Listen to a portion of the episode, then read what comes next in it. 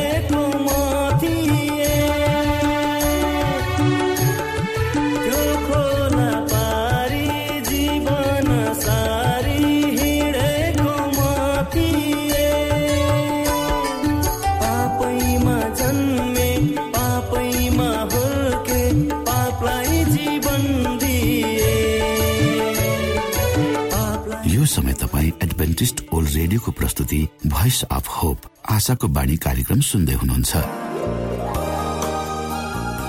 तपाईँ आशाको बाणी कार्यक्रम सुन्दै हुनुहुन्छ। हामी आशा गर्दछौ कि तपाईँले हाम्रा कार्यक्रमहरू सुनेर आनन्द लिनु भएको छ। यदि तपाईँ हाम्रो तर्फबाट सानो उपहार प्राप्त गर्न चाहनुहुन्छ भने कृपया गरेर हामीलाई Bible at the rate AWR dot ओआरजीमा लेखी पठाउन सक्नुहुनेछ। अथवा हाम्रो वाट्सएप नम्बर प्लस एक दुई दुई चार दुई दुई दुई जिरो सात सात सातमा फोन गरेर सम्पर्क गर्न सक्नुहुनेछ। श्रोता मित्र यो समय हामी पास्टर उमेश पोखरेलबाट आजको बाइबल सन्देश सुन्नेछौ। श्रोता आउनुहोस्। आजको प्रस्तुतिलाई पस्कनु भन्दा पहिले आउनुहोस् म परमेश्वरमा अगुवाईको लागि बिन्ती राख्नेछु। जीवी जिउँदो महान दयाल परमेश्वर प्रभु हामी धन्यवादी छौँ। यो जीवन यो जीवनमा दिनुभएका प्रत्येक आशिषलाई प्रभु विशेष गरेर यो रेडियो कार्यक्रमलाई म तपाईँको चरणमा राख्दछु। यसलाई तपाईँको राज्य र महिमाको प्रचारको खातिर तपाईँले प्रयोग गर्नुहोस् ताकि धेरै मानिसहरूले तपाईँको ज्योतिलाई देख्न सकुन् र तपाईँको राज्यमा प्रवेश गर्न सक्नु। सबै बिन्ती प्रभु यीशुको नाम।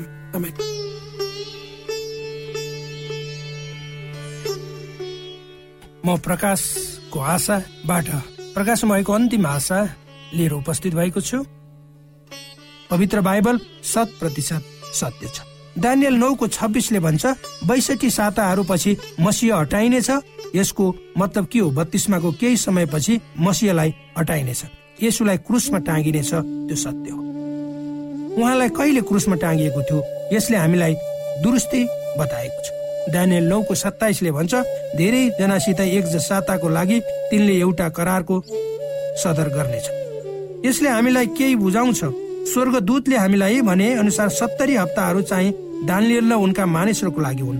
उनीहरू सत्तरी साताहरूले हामीलाई एडी सत्ताइससम्म ल्याउँछ। अब एक हप्ता छोडिदिउ। अब यसले भन्दछ करारको सदर धेरैजनासँग एक सातामा हुनेछ। यहाँ हेर्नुहोस् अचम्म छ त्यसपछि करारको सदर धेरैजनासँग एक हप्ताको लागि। तर हप्ताको बीचमा बलिदान र भेटीको अन्त हुनेछ। अब थुमाको बलि चढाउनु पर्ने छैन। किनकि जो यसु क्रिस हुनुहुन्छ बलिदानको भेटीलाई यो पृथ्वीमा समाप्त गरिदिनु भयो कहिले गर्नुभयो? जब प्रभु येशु क्रिस्टले आफ्नो जीवन क्रुसमा बलिदान दिनुभयो। यो आदेश चार सय सन्ताउन्न र चार सय त्रियासी वर्षहरूदेखि सत्ताइस एडीसम्मलाई देखाउँछ। अगमबाडीको हप्ताको बीच साढे तीन अगमबाडीको दिनहरू र साढे तीन वास्तविक वर्षहरू हुन् जहाँदेखि सत्तरी हप्तादेखि एडी सत्ताइस अगाडि जानेछौ तीन वर्ष छ महिनासम्म। यसले हामीलाई एडी एकतिससम्म ल्याउँछ विशेष गरी निस्तार चाडको विधि जनाउँछ जुन समय क्रिसलाई क्रुसमा टाँगिएको थियो। प्रभु येसुको कार्यलाई बुझ्नको लागि र उहाँको उद्देश्य अझ राम्रोसँग बुझ्नको लागि मद्दत पुर्याउँछ जब हामीले यो मितिलाई ठिकसँग हेर्नेछौँ। ड्यानियल नौले भन्दछ यसु क्रिस्ट हाम्रो मसिह हुनुहुन्छ त्यसपछि धेरैजनासित एक साथको लागि तिनले एउटा करारको सदर गर्नेछन्। पवित्र धर्मशास्त्रले भन्दछ यसो हाम्रो मसिह हुनुहुन्छ मत्ती छब्बिसको अठाइस किनभने यो नयाँ करारको रगत हो जो धेरैको निम्ति पापको प्रायश्चितको लागि बगाइनेछ। यो करारको प्रभु येसु क्रिस्ट हुनुहुन्छ। जुन करार येसु क्रिस्टले उहाँको रगतद्वारा सदर गर्नुभयो अनि त्यो करार क्रुसद्वारा जनाइदिनु भयो प्रभु येसु क्रिस्टको कार्य र उद्देश्यलाई हामीले बुझेका छौँ भने हामीलाई थाहा हुनेछ भविष्यवाणीहरूको दिन र वर्षहरू सुरुवात चार सय सन्ताउन्न बिसीले हामीलाई एकतिस एडीलाई देखाउँछ। यसु क्रिसको बलिदान ठिक समयमा भएको थियो। यो भविष्यवाणी दानियलको पुस्तकमा अचम्म लाग्दो छ। यसु हाम्रो मसिह हुनुहुन्छ उहाँको बलिदान ठिक समय भयो। त्यसै कारणले गलातीको पुस्तक चारको चारले भन्दछ तर समयको पूर्णतामा परमेश्वरले आफ्नो पुत्रलाई पठाउनु। प्रभु येसु क्रिसले मर्कुसको पुस्तकमा भन्नुभयो मर्कुस एकको पन्ध्र समय पुरा भएको छ र परमेश्वरको राज्य नजिक आएको छ। रोमी पाँचको छले भन्दछ किनकि हामी दुर्बल हुँदा नै क्रिस्ट अधर्मीहरूका निम्ति ठिक समयमा मर्नुभयो। यसु क्रिस्टले यो करारको सदर गर्नुभयो उहाँको रगतद्वारा। अब हामी कहिले पनि पृथ्वीको मन्दिरलाई हेर्ने छैनौँ। प्रभु यीशु क्रिस्टले रगत बगाउनु भइसक्यो साँडे बोका र रगतहरू प्रभुले स्वीकार गर्नुहुन्न र तिनीहरू केही मूल्य छैन। यसु क्रिस्टको बत्तीसमा ठिक समय भएको थियो प्रभु येसु क्रिस्टको बलिदान ठिक समय भएको थियो क्रिसको मृत्यु हुनेछ पुनस्थापना हुनेछ र उहाँ हाम्रो प्रधान पुजारी भएर उचालिनु भएको छ। त्यसै कारणले यो पृथ्वीमा भएको मन्दिरलाई हामीले हेर्ने छैनौँ किनकि प्रभु येसु क्रिस स्वर्गको पवित्र वेदीमा हुनुहुन्छ। क्रिस येसु स्वर्गको पवित्र वेदीमा हुनुहुन्छ। येसु क्रिसको बलिदान एकतिस एडीमा भएको थियो। यो दुरुस्तै पवित्र बाइबलले बताए अनुसार छ। तर प्रभुले त्यो राज्यहरूलाई अहिलेसम्म त्याग्नु भएको छैन। प्रभुले ती राज्यहरूलाई अहिलेसम्म त्याग्नु भएको छैन। साढे तिन वर्षको अवधिमा उहाँले प्रेम र दयालाई यो संसारमा फैलाउनु भयो प्रभु येसु क्रिस हामीलाई देखेर फर्कनुहुन्छ जब हामी प्रभु येसु क्रिसलाई देखेर फर्कन्छौँ।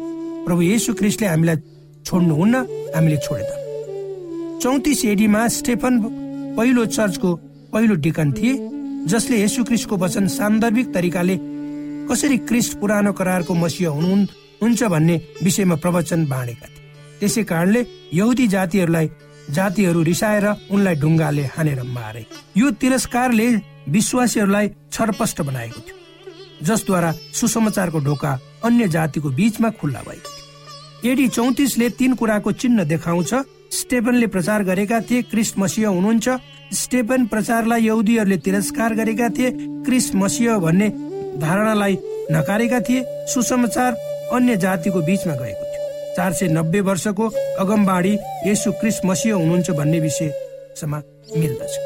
अब पछाडि हेरौँ कहाँदेखि सुरु थियो दानियलको अगमबाडीमा के भनिएको छ? सत्तरी हप्ताहरू समाप्त भए तेइस सय वर्षदेखि तर अरू समयको लागि के भनिएको छ?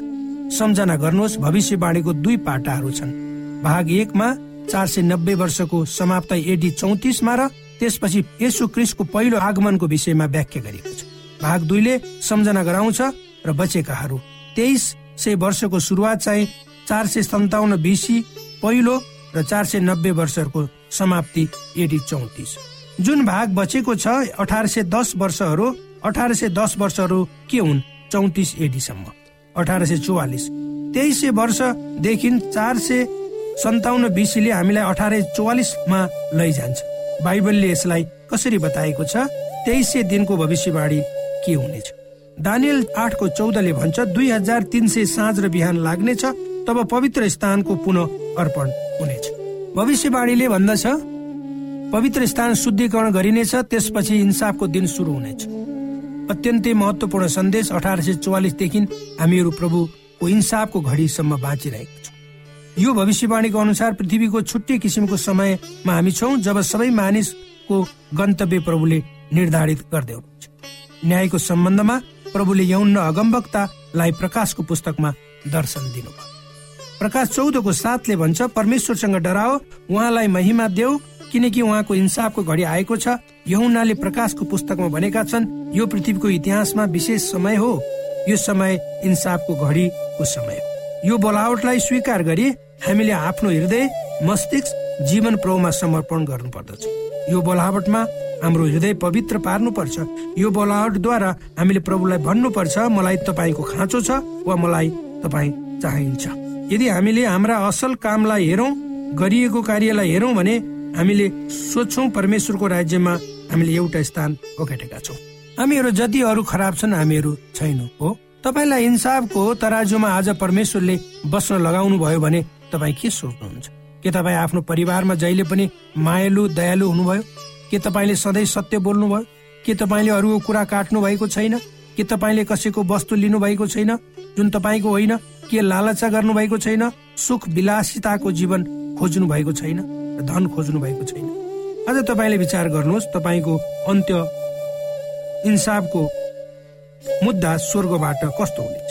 युरोपियन मुलुकको जर्मन देशमा धेरै वर्ष अगाडि एकजना प्रतिभाशाली मानिस थिए। उनको नाम फेडरिक विलियम थियो। उनी आर्मीमा जागिर खान्थे। एक साँचको कुरा हो उनीहरूको झडप आतंककारीसँग भयो। त्यो समय तुरन्तै युद्ध मैदानबाट उनी भागे। त्यसपछि उनका बुबाले उनलाई इङ्ल्यान्ड पठाइदिए र त्यसपछि उनले आफ्नो नाउँ परिवर्तन गरेर उनले खगोल शास्त्र पढेर टेलिस्कोप बनाए र त्यो टेलिस्कोपद्वारा उनले नयाँ ग्रह पत्ता लगाए र उनी चर्चित भए। इङ्ल्यान्डको राजाले विलियमलाई आफ्नो दरबारमा बोलाए। विलियम डराएका थिए। राजाको हजुरबा जसको नाम जर्ज थियो जसले जर्मनमा शासन गरेथे त्यही बेला उनी युद्ध मैदान छोडी आर्मीबाट भागेका थिए। विलियमलाई थाहा भइसक्यो उनले राजाको हजुरबाले चिन्नेछन् त्यसपछि उनलाई मृत्युदण्ड दिइनेछ राजालाई भेट्न पर्खिरहेका थिए एउटा राजाका सेवक उनका आएर एउटा खाम दिए। उनले हात कमाएर त्यो खाम लिएर विचार गरिरहेका थिए लामो समयदेखि कि त्यसभित्र उनको मृत्युदण्डको आदेश हुनुपर्छ। तर जब उनले चिठी खोले डराउँदै र उनले चिठी पढे त्यसमा उनलाई लेखिएको थियो उनलाई क्षमा दिएको छ। पहिलो यौना दुईको एक र दुईले भन्छ मेरा साना बालकहरू तिमीहरू पाप नगर भने म चाहिँ यी कुराहरू तिमीलाई लेखिरहेको छु।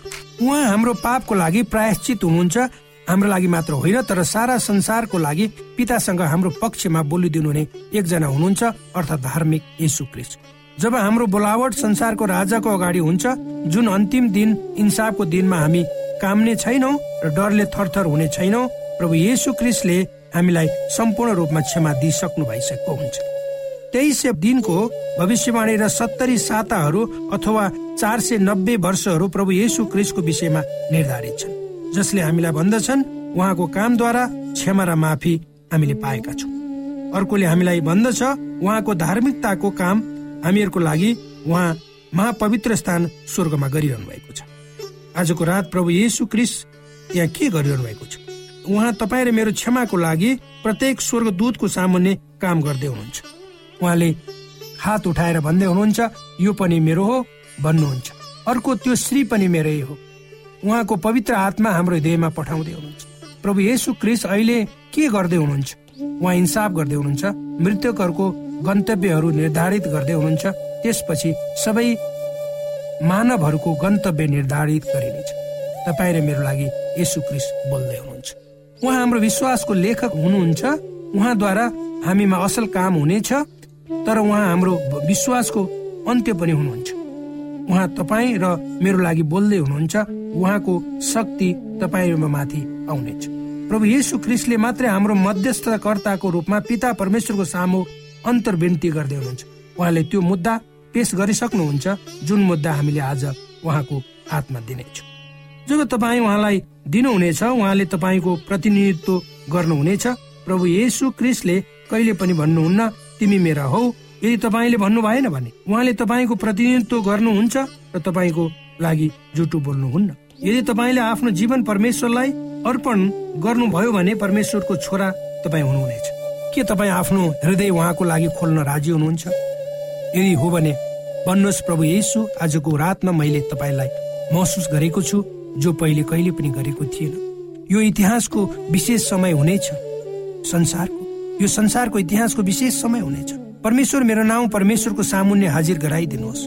मेरो नाउँको पछाडि क्षमा लेखिदिनुहोस्। यसुले मेरो हृदय पवित्र तुल्याउनु भएको छ। उहाँ हाम्रो निरन्तर रूपमा पिताको सामुन्य मध्यस्थकर्ताको भूमिका खेलिरहनु भएको छ। किन आज हाम्रो शिर नझुकाउने? किन नभन्ने पिताको सामुन्य मेरो आफ्नै बलले बुद्धिले त्यो इन्साफको समयलाई पार गर्न सक्दिन भनेर? मेरो सम्पूर्ण असल कामहरू मलाई थाहा छ। म इन्साफबाट पन्छिन सक्दिन मलाई थाहा छ म पापी हुँ। मैले मृत्यु दण्ड पाउनु पर्नेछ तर परमेश्वरको सिंहासनमा मेरो नाउँ हाजिर गराइदिनुहोस्।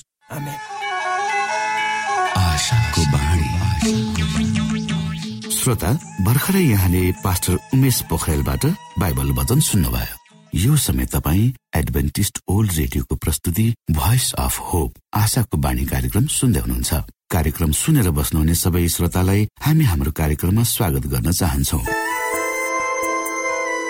श्रोता मित्र यदि तपाईँ जीवनदेखि हरेस खानु भएको छ तपाईँका जीवनमा धेरै अनुत्तरित प्रश्नहरू छन् भने आउनुहोस् हामी तपाईँलाई परमेश्वरको ज्योतिमा डोहोर्याउन चाहन्छौँ। र तपाईँ आफ्नो जीवनका चिन्ता फिक्रीबाट निश्चिन्त हुनुहोस् र बाँच्नुको आनन्द परमेश्वरको सामिप्यमा कति मिठो हुन्छ त्यो चाख्नुहोस् भनी हामी चाहन्छौँ। श्रोता यदि तपाईँ आशाको बाणी कार्यक्रमलाई अनलाइन सुन्न चाहनुहुन्छ वा डाउनलोड गर्न चाहनुहुन्छ भने डट ओआरजीमा जानुहोस्। त्यहाँ तपाईँले प्रत्येक दिनको कार्यक्रम सुन्न र डाउनलोड गर्न सक्नुहुनेछ। हाम्रो वेब पेज यस प्रकार छ ओआरजी श्रोता यदि तपाईँ हामीसित सिधै फोनमा सम्पर्क गर्न चाहनुहुन्छ भने हाम्रा नम्बरहरू यस प्रकार छन्। अन्ठानब्बे एकसाठी पचपन्न शून्य एक सय बिस। अन्ठानब्बे एकसाठी पचपन्न शून्य एक सय बिस। र अर्को अन्ठानब्बे अठार त्रिपन्न पन्चानब्बे पचपन्न। अन्ठानब्बे अठार त्रिपन्न पन्चानब्बे पचपन्न।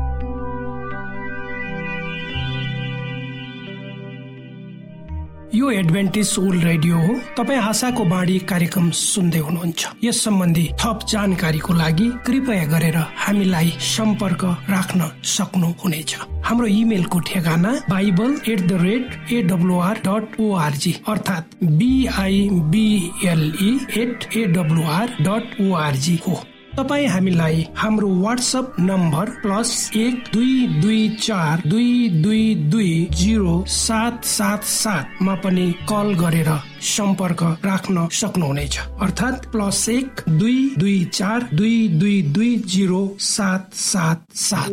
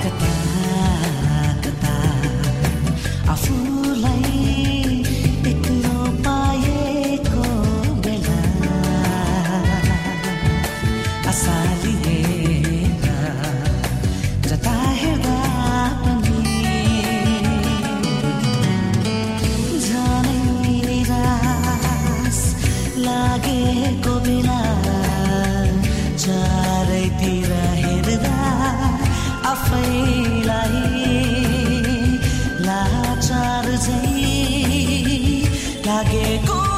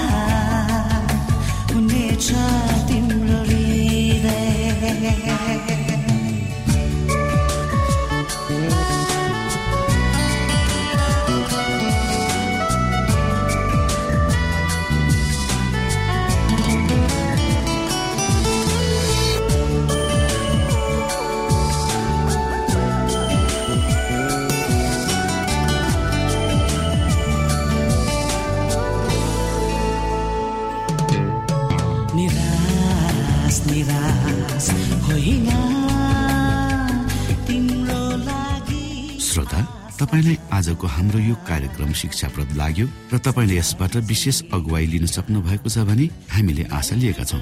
हामीसँग पत्राचार गर्ने हाम्रो ठेगाना यस प्रकार छ। आशाको बाणी पोस्ट बक्स नम्बर दुई शून्य शून्य शून्य दुई काठमाडौँ नेपाल। श्रोता यदि तपाईँ हाम्रो स्टुडियोको नम्बरमा सम्पर्क गर्न चाहनुहुन्छ भने हाम्रा नम्बरहरू यस प्रकार छन्। अन्ठानब्बे एकसाठी पचपन्न शून्य एक सय बिस। अन्ठानब्बे एकसाठी पचपन्न शून्य एक सय बिस। र अर्को अन्ठानब्बे अठार त्रिपन्न पन्चानब्बे पचपन्न। अन्ठानब्बे अठार त्रिपन्न पन्चानब्बे पचपन्न। श्रोता तपाईँ हामीलाई इमेल पनि गर्न सक्नुहुन्छ। हाम्रो इमेल एड्रेस यस प्रकार छ Nepal at AWR dot ORG Nepal at AWR dot ORG यदि तपाईँ हामीलाई अनलाइन सुन्न चाहनुहुन्छ वा डाउनलोड गर्न चाहनुहुन्छ भने तपाईँ W W W dot AWR dot ओआरजीमा जानुहोस् र त्यहाँ तपाईँले हाम्रो सबै कार्यक्रमहरू सुन्न सक्नुहुनेछ। हवस् त श्रोता भोलि फेरि यही स्टेशन र यही समयमा यहाँसँग भेट्ने आशा राख्दै प्राविधिक साथी राजेश पास्टर उमेश पोखरेल र कार्यक्रम प्रस्तुता म रवि। यहाँसँग विदा माग्दछौ। नमस्कार।